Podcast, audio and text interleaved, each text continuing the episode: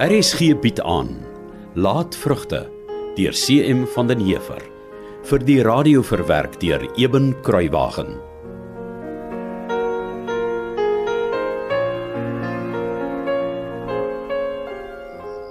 Johanna, met wie dink jy praat jy? Is jou ouers dan skuim dat jy so met hulle durf praat? Ag, Johanna, ons liewe sagte dogter, jy het nog nooit so gepraat of teenoor ons opgetree nie. Want my ouers het my nog nooit so verneder of so harteloos seer gemaak nie. En as jou ouers weet ons nie die beste nie. Ek slag jou liewers lewendig af voor ek jou toelaat om te meng met daai ou beesgesig van Boskloof se seun. Sy brand van vuur en is die duiwel in persoon. Nie 'n mens kom meer by hom aan huis nie. Hy sit sy voete nie meer in die kerk nie en hy vermy die nagmaaltafel. En dan wil jy jou ouers nog vir die minderwaardige skepsel van Boskloof staan en beledig. As jy nie al 18 jaar oud was nie, het ek jou vanaand 'n losing gegee dat jy nie kan sit nie. Toe maar ou man. Sy sal nie weer nie. Johanna, kamer toe. Nou. Is ek dan nog 'n kind wat ma net kan kamer toe stuur as ek stout was? Ek is 18 jaar oud, ma. En ek hou voet by stuk. Ek het my vanaand vir male geskaam. Johanna, Luister na jou moeder. Gaan nou dadelik na jou kamer toe, Johanna. Johanna, ek praat. luister asseblief tog na jou pa, my kind. Nee, ma. Ek sal eers kamer toe gaan as ma en pa my om verskoning gevra het vir die skandelike gedrag vanaand hier in hierdie huis. Maar Johanna, ons is jou geen verskoning verskuldig nie. 'n Ouer vra tog nie 'n kind om verskoning nie. Dis net andersom. Jy moet ons om vergifnis smeek vir jou gedrag en vir die manier waarop jy met ons praat, vir hoe jy ons openlik teëgaan. Eer jou vader en jou moeder, sê die woord. Of sê jy nou selfs vir die Allerhoogste dat jy sy gebod nie wil eerbiedig nie? Johanna, luister tog na jou pa. Maar kan ma nie dan verstaan nie? Ma was tog 'n jong meisie. Onthou ma nie hoe ma oor pa gevoel het nie. Johanna, my gevoelens en my jong meisie daar het met die manier waarop jy ons skielik teëgaan en hoe jy met ons praat niks te doen nie. En hoe weet ek sy brand van vuur en sit nie agter sy seun se besoek hier vanaand nie? Hy het dan nie eers gevra of hy jou mag sien nie. Sommers so uit die bloute en sonder afspraak daag hy jou op. Pa. Ek verstaan pa en oom Sybrand is kwaai vriende. O nee. nee, Johanna. Laat ek jou sommer uit die staanspoor reg help, ou kindjie. Ons was nog nooit vriende nie. Wat pa teen oom Sybrand in elk geval? Johanna, dit gaan jou nie aan nie. Jou pa het sy redes. Ek is jammer ma, maar dis nie goed genoeg nie. Wat het oom Sybrand en tant Betta ons aangedoen? Of dan van ma en pa aangedoen? Want ek het hulle nog nooit eers ontmoet nie. Ou Sybrand is inhalig, vrekkig en en 'n heiden. En hy wil lank vlei vir homself inpal. Jou pa weet dinge. Ek het pa gevra, hoekom antwoord ma maar? Tel jou woorde. Ek waarsku jou vir die laaste keer, Johanna. Goed. Ek vra pa weer. Hoe weet pa oom Sybrand wil lankvlei vir homself in Palm? Want hy wil die grootste boer in die distrik wees. Hy wil al die grond vir homself hê. Ja, maar hoe weet pa dit? Want hy het al hoeveel keer gevra of ek hierdie plaas aan hom wil verkoop nie. En sou ek dit ooit verkoop, sal dit nie aan hom wees nie. Wat het pa teen die van Vuren? Johanna, jou pa is jou geen antwoord verskuldig nie. Nou wat het Henning pa hulle ooit aangedoen? Hy's die saad van die ander geslag. Hy sal jou in die hakskeen byt en jy sal hom die kop vermorsel, sê die woord. Nee. Ek's jammer. Pa hulle kon my nog nie een goeie rede gee hoekom ek Henning nie mag sien nie. En totdat pa vir my 'n goeie rede gegee het wat vir my sin maak, sal ek Henning beter wil leer ken. Johanna, ons is jou ouers en ons verbied jou om enigiets met Henning van Vuren te doen te hê. Maar sê my asseblief tog net hoekom ma, ek verstaan nie. Ek waarsku jou net, Johanna. En neem dit as evangelie. As daardie vent sy pote weer op my werf sit, breek hierdie paar hande van my sy nek af. So 'n strandheid. Jy het nie nodig om enigiets te verstaan nie, Johanna. Doen jou plig en gehoorsaam jou ouers. En dis die laaste woord oor die aangeleentheid. Ek gaan nou slaap. Nag, Johanna. Vir jou eie beswil bid ek jy kom vannag tot jou sinne. Kom hier, Bita.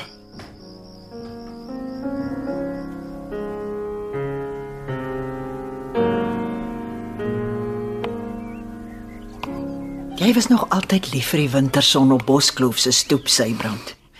Vandat ek kan onthou. Ja, Betta, ek was. Kyk net die oneindige blou van die lug. En die ligte briesie neem niks van die lekker lui sonnetjie weg nie.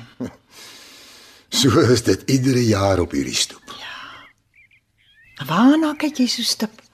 Kyk sommer. Deur teen die horison sien jy die plaaslyn uitkruip al met die bult langs en verder weg verdwyn dit in die blou wasigheid. Ja, dit maak my hart oorlopends toe vol van liefde vir die plaas. Ek wens. Dis baie mooi. Ja, As die plaas in die aarde so lyk, voel ek sommer om ver te gaan stap vir ure aan mekaar. waarheen sal jy stap? Oh, nee, daar is geen eintlik nie. Sommige net om na die plaas se klippaalgrens te gaan kyk. Om te voel dat die stuk wêreld wat hier voor my uitgestrek lê so ver as wat die oog kan sien, myne is. Dis wie en wat ek is. Dis my hele menswees. Hierdie grond. Ja. 'n Mens het iets nodig wat jou bestaan nie moeite werd maak. Iets wat jou in die gang hou. Ek wonder wat hou ma wille aan die gang. Kyk hoe krul die roekie so vroeg al uit die skoorsteen in die blou lug in. Sy is die doring aan my vlees. Ek sal nie hond haar af kan maak om haar weg te kry nie. Sy brand. Die ou siel sit waar sy sit. Sy weier om bes te gee. En jy durf seker ook nie wens dat sy moet doodgaan nie. Sy brand. Maar dit sou my baie kon help as sy uh, die pad was. Uh, op die dorp of uh, ter siele. Sy brand. Wou jy dalk nog 'n bietjie koffie Kyk gehad? nou maar na die natuur. Staan nooit stil nie. Die winter word lente en die word uiteindelik somer. Wat oud word, moet afgesny, afgekap, weggebêre word. Sy brand. Wat sê jy? Die natuur is lewe. Hy durf nie gaan stil staan nie. Hy laat lewe en hy laat doodgaan. Al wat uitgedien en in die pad is van die jonger, sterker lewe moet opgeruim word. Dis hard, maar dis hoe dit is. Sy brand? Jy praat van jou ma, né? Nee? Ja.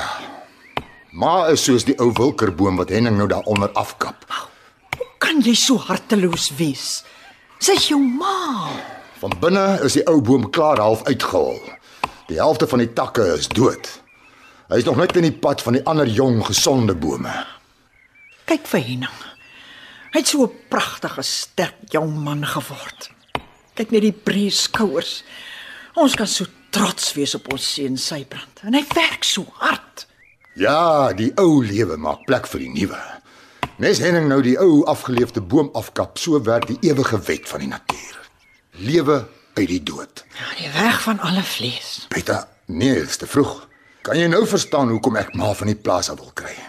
Sy is die ou halfdooie wilkerboom wat staan in die pad van die nuwe sterk boompies.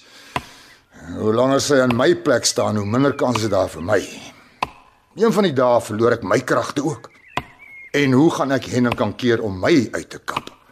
Hoe gaan ek hom keer? Man, moet jy hom dan keer Sybrand? Is dit nodig? sien, jy verstaan nie. Jy verstaan nie my foltering nie. Ek is nog nie klaar nie. Ek het nog baie krag in my. Maar die vrede ouderdom bekruip my soos 'n donker skaduwee. Jy hoor hom nie. Jy sien hom nie. Nie voor dit te laat is nie. 'n Roofdier wat ons almal ten prooi moet val. Vroeër of later. En ma staan aan my pad. Hoekom wil sy my nie 'n kans gee nie? Sybrand. Ek voel die krag van die lewe in my. 'n Mens is maar net so oud soos jy voel. Jy weet, my oupa was al 90 toe hy op 'n dag in die peerboom geklim het om 'n peer te pluk wat hy vir dae al dopgehou het. Maar kon hy nie iemand anders kry om die peer vir hom te pluk nie? Of kon hy nie op 'n leer gestaan het nie? Die peer was heel bo in die boom en die leer was te kort. En hy wou die peer vir homself gehad het. Die peer het hom gedenteer tot hy dit later nie meer kon verduur nie.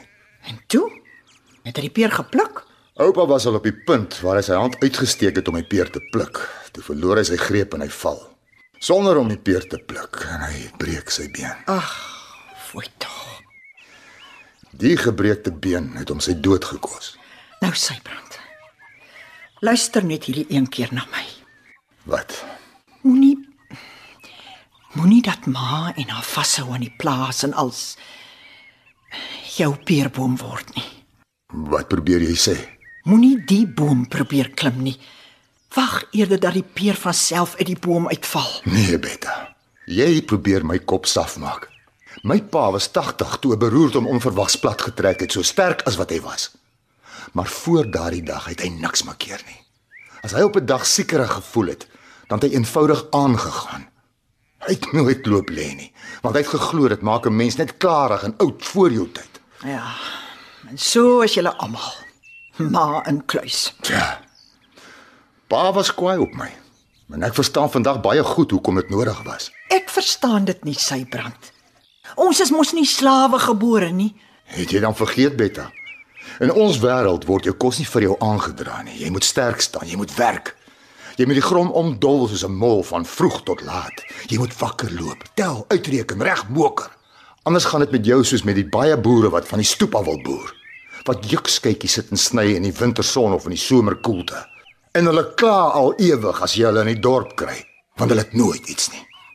Maar dan sal jy jaloers op die man wat vooruit boer. Hoe kyk jy so na swaar Gert se huis? Want hy's hoeka 'n vent wat wil hê die natuur moet vir hom boer. 'n Luiaard wat God se water oor God se akker laat loop. Ha. En nou sit hy diep in die skuld van nie werk nie. Ja, ek het Maria lanklaas gesien. Ek wonder hoe gaan dit? Hm, versukkel, dit kan ek jou sê. Nes daardie hopelose man van haar.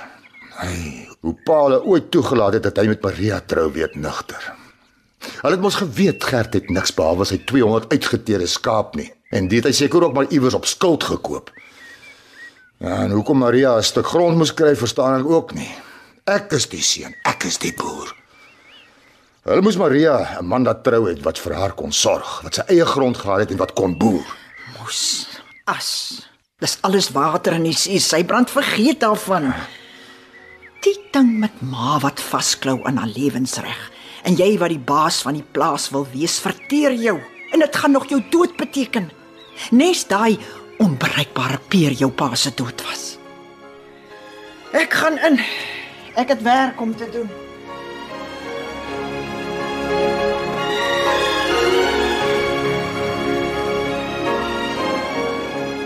Hierdie week in Laat Vrugte het hierdie stemme gehoor van Johan Stassen, Leon Creur, Susan Beyers, Rolinda Neel, Johan Nel, Juanita Swanepoel, June van Merwe, Andre Weideman en Gina Asante. Kom luister gerus maandag verder na Laat Vrugte deur CM van den Heever. Die verhaal word in Kaapstad vir RSG verwerk en opgevoer onder regie van Eben Kruiwagen.